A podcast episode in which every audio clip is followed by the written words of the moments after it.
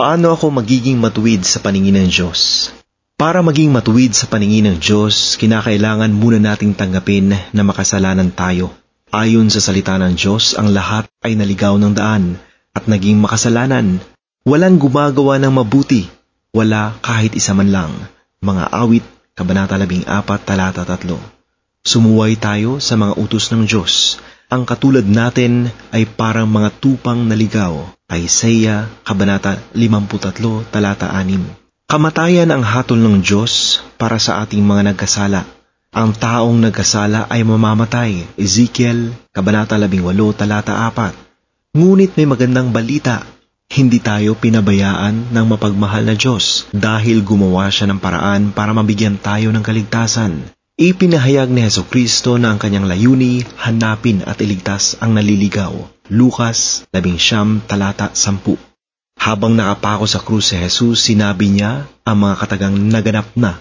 Juan Kabanata 11, talata 30 bilang patunay sa tagumpay ng kanyang layuning iligtas tayong lahat sa kamatayan. Para magkaroon tayo ng magandang relasyon sa Diyos, kailangang aminin natin na nagkasala tayo sa Kanya. Magpakumbaba tayo at ipahayag ang ating mga kasalanan sa Diyos at magpasya rin tayong talikuran ang ating mga kasalanan Isaiah, Kabanata 57, talata 15, at Roma, Kabanata 10, talata 9 at 10.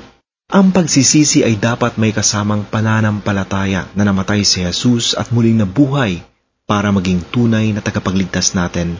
Sinasabi sa Aklat ng Roma, Kabanata 10, talata 9, kung ipapahayag ng iyong labi na si Jesus ay Panginoon at mananalig ka ng buong puso na siya'y muling binuhay ng Diyos, maliligtas ka. Marami pang ibang talata ang nagsasabi na kailangan ng pananampalataya katulad ng nasa Juan, Kabanata 20, talata 27, Mga Gawa, Kabanata 16, talata 31, Galacia, Kabanata 2, talata 16, Kabanata 3, talata 11, at Kabanata 26, at Efeso, Kabanata 2, talata 8. Ang hangad nating maging matuwid sa paningin ng Diyos ay tamang hakbang sa ating pagkilala sa lahat ng ginawa niya para sa atin. Ipinadala niya ang tagapagligtas na siyang naging handog para maalis ang ating mga kasalanan. Juan Kabanata 1, talata 20 At nangako siya ang sinumang tatawag sa Panginoon ay maliligtas. Mga gawa, Kabanata 2, talata 21. Isang magandang halimbawa ng pagsisisi at kapatawaran ay ang kwento tungkol sa libughang anak. Lukas, Kabanata 15, talata 11 hanggang 32.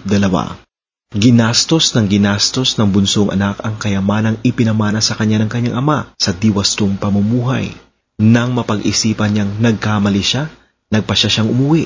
Sa kanyang palagay, hindi na siya karapat-dapat na ituring na anak, ngunit nagkamali siya. Mahal pa rin pala siya ng kanyang ama sa kabila ng kanyang pagiging rebelde. Lubusan siyang pinatawad at nagkaroon pa ng handaan.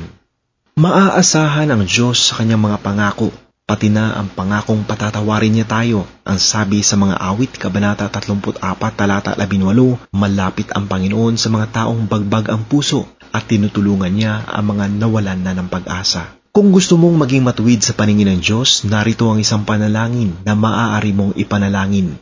Alalahanin mong ang pagbigkas ng panalangin ito ay hindi makapagliligtas sa iyo. Tanging ang iyong pananampalataya at pagtitiwala kay Jesus ang makapagliligtas sa iyo.